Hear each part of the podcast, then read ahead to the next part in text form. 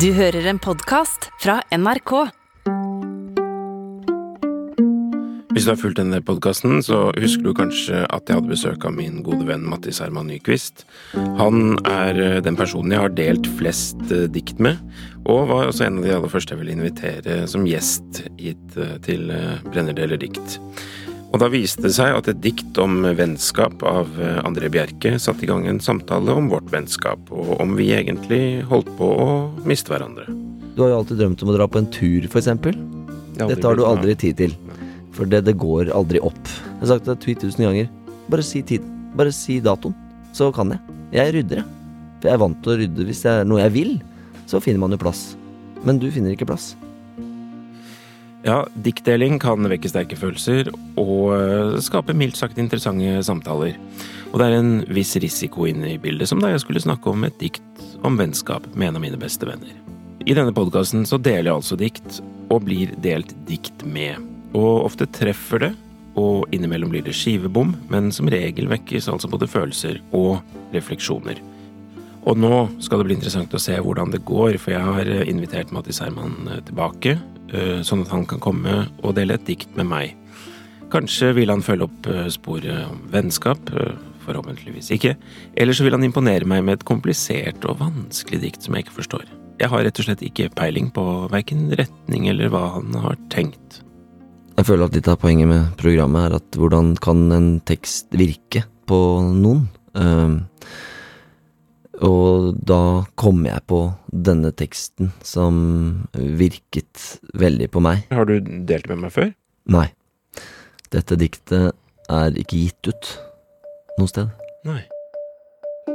Den er skrevet av uh, min uh, gamle lærer på Teaterhøgskolen som heter Morten Krogh, som var en en, en veldig unik person i, i, mitt liv og mitt utdannelsesløp, hvor jeg var så heldig å ha han lite grann. Det heter Kjærlighetens Fosbury. Jeg vet ikke om det er et dikt, det er i hvert fall en tekst. Kjærlighetens hva for noe? Kjærlighetens Fosbury. Så det er Fosbury. Er Fosbury-floppen er jo den første personen som eh, I høydehopp så hoppet, ja, hoppet man jo før med på en måte rett fram på en måte, og heiv seg over. Mens Fosbury var den første som hoppet med ryggen og på skrå inn og heiv seg over. Og han hoppet jo da Det var jo den nye teknikken, så etter det så hoppet jo alle denne der. Men det var liksom helt rart første gangen han gjorde dette. Jeg syns det er veldig fint, i hvert fall. Skal jeg bare lese? Mm -hmm. Kjærlighetens Fosbury. Da jeg var fem år gammel, hendte det noe helt utrolig. Jeg så det på TV. Det var en mann som hoppet nesten to og en halv meter høyt. Han het Fosbury. Og det var altså bare en mann som sprang inn mot et høystativ. Men akkurat idet han satset, var det noe som skjedde. Han vred seg. Vi tenkte først at han snublet eller gled, for så vendte han seg helt rundt, sånn at ryggen kom i lengderetningen. Og så kastet han seg baklengs innover listen, og folk tenkte hva er det han driver med? Hva er det han gjør? Det der er jo helt feil. Det er feil vei. Han kommer til å brekke nakken, han kommer til å rive listen. Men han gjorde ikke det. Han rev ikke. Han gled over, med god margin, landet mykt, hoppet høyest av alle. Så ble det helt stille.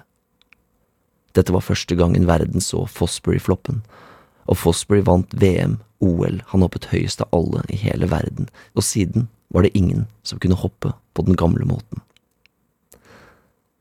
Jeg har en hemmelig drøm om å kunne være kjærlighetens Fosbury, være den første i hele verden som løper innover mot listen, og akkurat idet jeg satser, er det noe som skjer.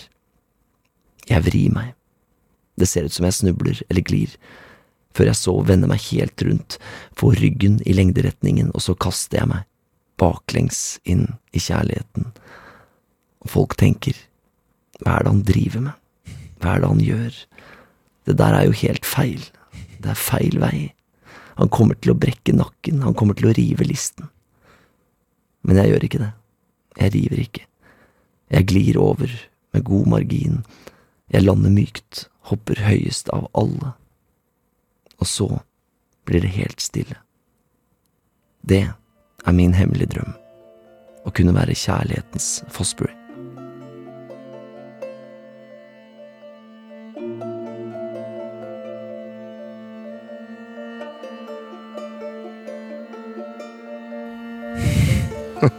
så fint! Er ikke den fin, da? Ja, veldig. Jeg har faktisk prøvd å lese det for noen andre, for det har jeg opplevd at det er, har vært tilgjengelig for, eh, for dem òg. Ja, for dette er jo avdeling for diktet er ganske lett å følge, da. Det vil jeg si. Og at bildet blir veldig tydelig. Mm. Ser det for seg. Mm. Og så blir det sånn liksom gjentagelse, bruker det en gang til. Mm. Og da Vi skjønner jo hvor det går, på en måte. Mm. Men det er, det er like fint for det. Ja, jeg syns det. Er du, er du Fosbury i kjærlighet, eller drømmer om å være det, eller? Ja, jeg kan nok uh, kjenne meg veldig igjen i, i, i det. Tørre å hive meg ut i kjærlighetens ærend, som er veldig skummelt, og, og tror jeg var- er spesielt skummelt for meg, i hvert fall ut ifra hva jeg observerer på hva andre har tilgang på eh, rundt meg, av venner og bekjente. Ja, for jeg har kjørt litt mer den stilen som var før Fosbury. Ja, du kjører gamle stilen. Eh, Gift med samme person i 20 år. Ja, Det skulle jeg ønske at jeg hadde tilgang på, jeg òg, men sånn Men eh, jeg er veldig sent utviklet på på, um, på, på, på, på nestekjærlighetsfronten, kanskje, egentlig. Nestekjærlighet, er det mer det? Nei, det er jeg, det, jeg, hvordan da? Jeg føler jo at sånn Hvis man skal på den kjærlighetsfronten kanskje lykkes, så bør man kanskje først lykkes på reell nestekjærlighetsfronten og tørre å klare å omfavne det som finnes rundt en, for å kunne eventuelt eh, være så heldig å klare å få til den kjærligheten. Det er jo veldig den, den, den tosomhetskjærligheten er jo veldig vanskelig, for den er jo, den, den er jo ganske da konstant, som en, ikke som en nestekjærlighet til en venn, eller hva det måtte være.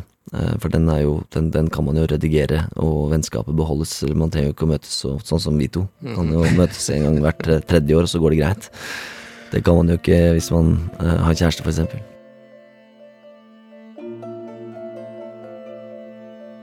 Kan du fortelle litt mer om den situasjonen da du hørte diktet første gang? Ja, første gang, eller den eneste gangen jeg har hørt det, den teksten, eh, det var i begravelsen til Morten Krogh, som var ute på, ut på Bygdøy der, i et sånt kapell. Jeg hadde jo hatt Følte jo selv, da, at jeg hadde hatt et nært forhold til ham fordi han hadde påvirket meg veldig sterkt. Hele stunden var eh, eh, Jeg var, var sånn den var i hvert fall for meg personlig veldig viktig å få med seg, i og med at for min egen del så visste jeg hvor mye han hadde hatt å si for meg. Han, egentlig, han var egentlig fekter. Han var vært med i OL i München og var fekter.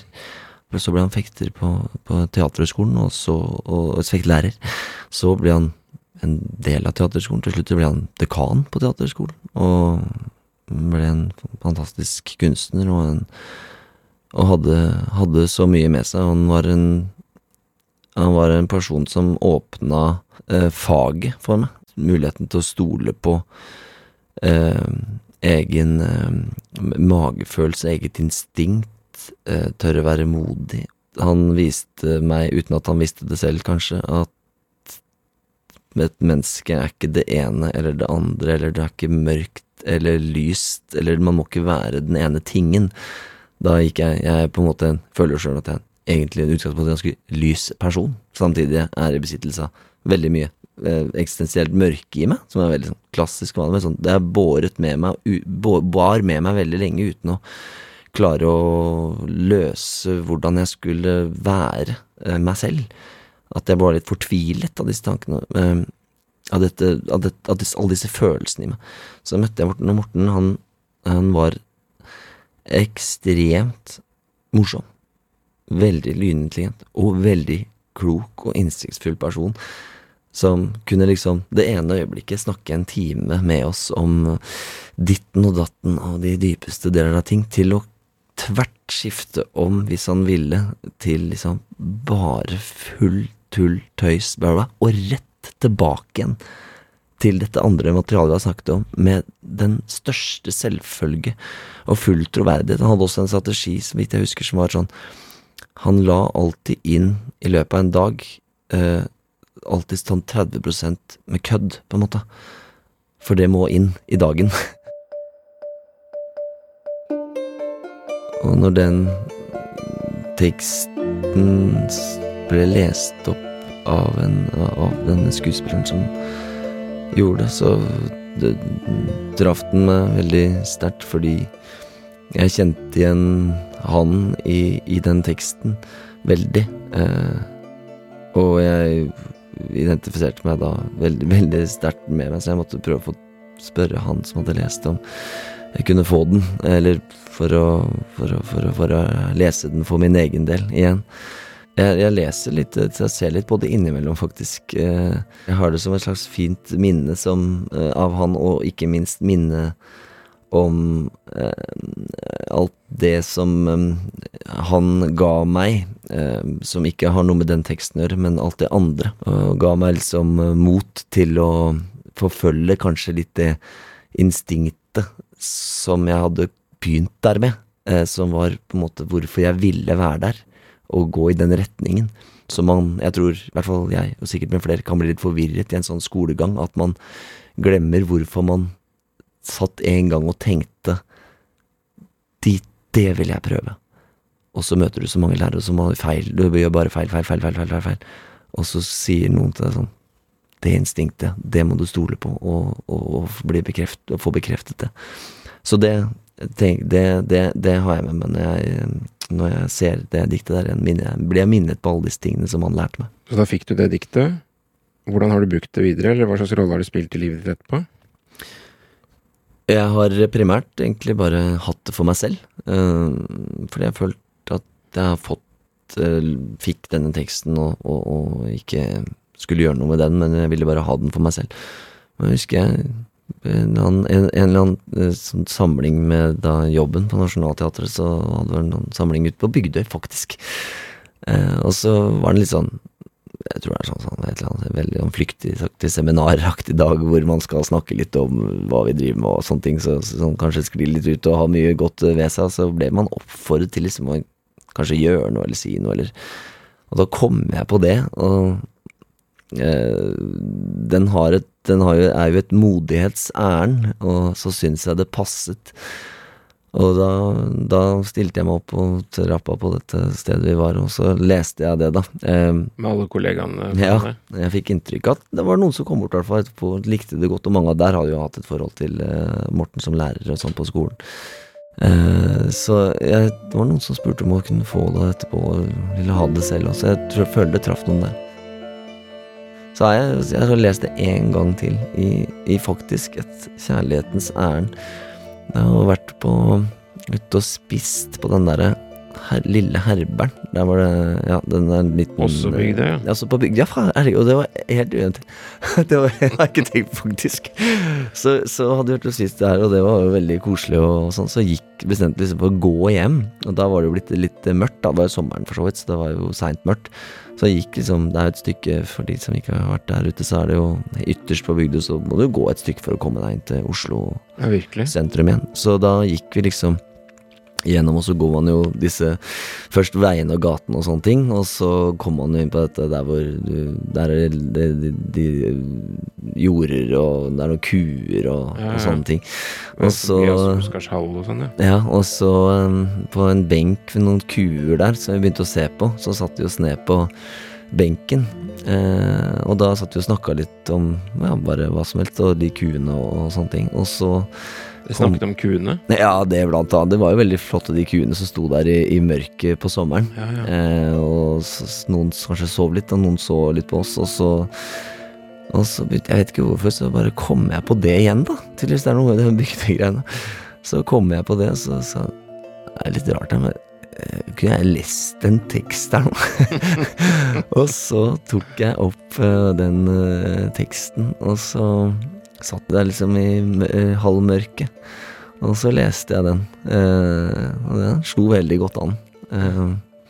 Jeg opplever de jeg har lest til, at den, den, er jo, som du sa selv i starten der, at den er jo ganske umiddelbar å forstå.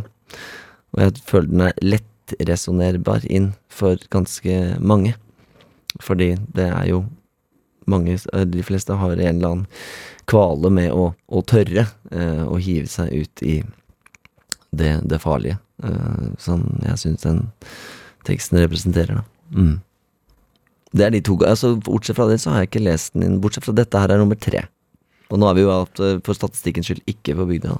Når var den bygde, siste bygdehistorien? Var det i nyere tid, liksom? Mm, det var for en to år siden. Kan man bare regne. Oi. Nei. Jeg vet ikke hva jeg hadde sett for meg, men min gode venn Mattis Herman kom med en oppbyggelig kjærlighetshistorie. Et bakteppe med en kløvereng og beitende kuer, mitt yndlingsdyr.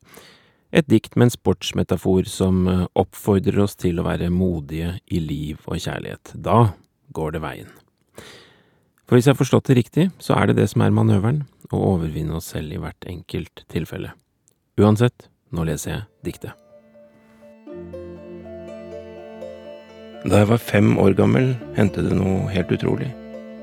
Jeg så det på TV. Det var en mann som hoppet nesten to og en halv meter høyt. Han het Fosbury, og det var altså bare en mann som sprang inn mot et høydestativ. Men akkurat idet han satset, var det noe som skjedde. Han vred seg. Vi tenkte først at han snublet eller gled, for så vendte han seg helt rundt sånn at ryggen kom i lengderetningen, og så kastet han seg baklengs innover listen. Folk tenkte, hva er det han driver med? Hva er det han gjør, det er jo helt feil. Det der er jo helt feil. Det er feil vei. Han kommer til å brekke nakken, han kommer til å rive listen. Men han gjorde ikke det. Han rev ikke. Han gled over med god margin, landet mykt, hoppet høyest av alle. Så ble det helt stille. Dette var første gangen verden så Fosbury-floppen, og Fosbury vant VM, OL. Han hoppet høyest av alle i hele verden. Og siden var det ingen som kunne hoppe på den gamle måten. Jeg har en hemmelig drøm om å kunne være kjærlighetens Fosbury, være den første i hele verden som løper innover mot listen, og akkurat idet jeg satser, er det noe som skjer. Jeg vrir meg, det ser ut som jeg snubler eller glir, før jeg så vender meg helt rundt, får ryggen i lengderetningen, og så kaster jeg meg baklengs inn i kjærligheten. Folk tenker, hva er det han driver med, hva er det han gjør, det jo, det der er jo helt feil, det er feil vei. Han kommer til å brekke nakken, han kommer til å rive listen. Men jeg gjør ikke det. Jeg river ikke. Jeg glir over, med god margin. Jeg lander mykt, hopper høyest av alle, og så blir det helt stille. Det er min hemmelige drøm. Å kunne være kjærlighetens Fosbury.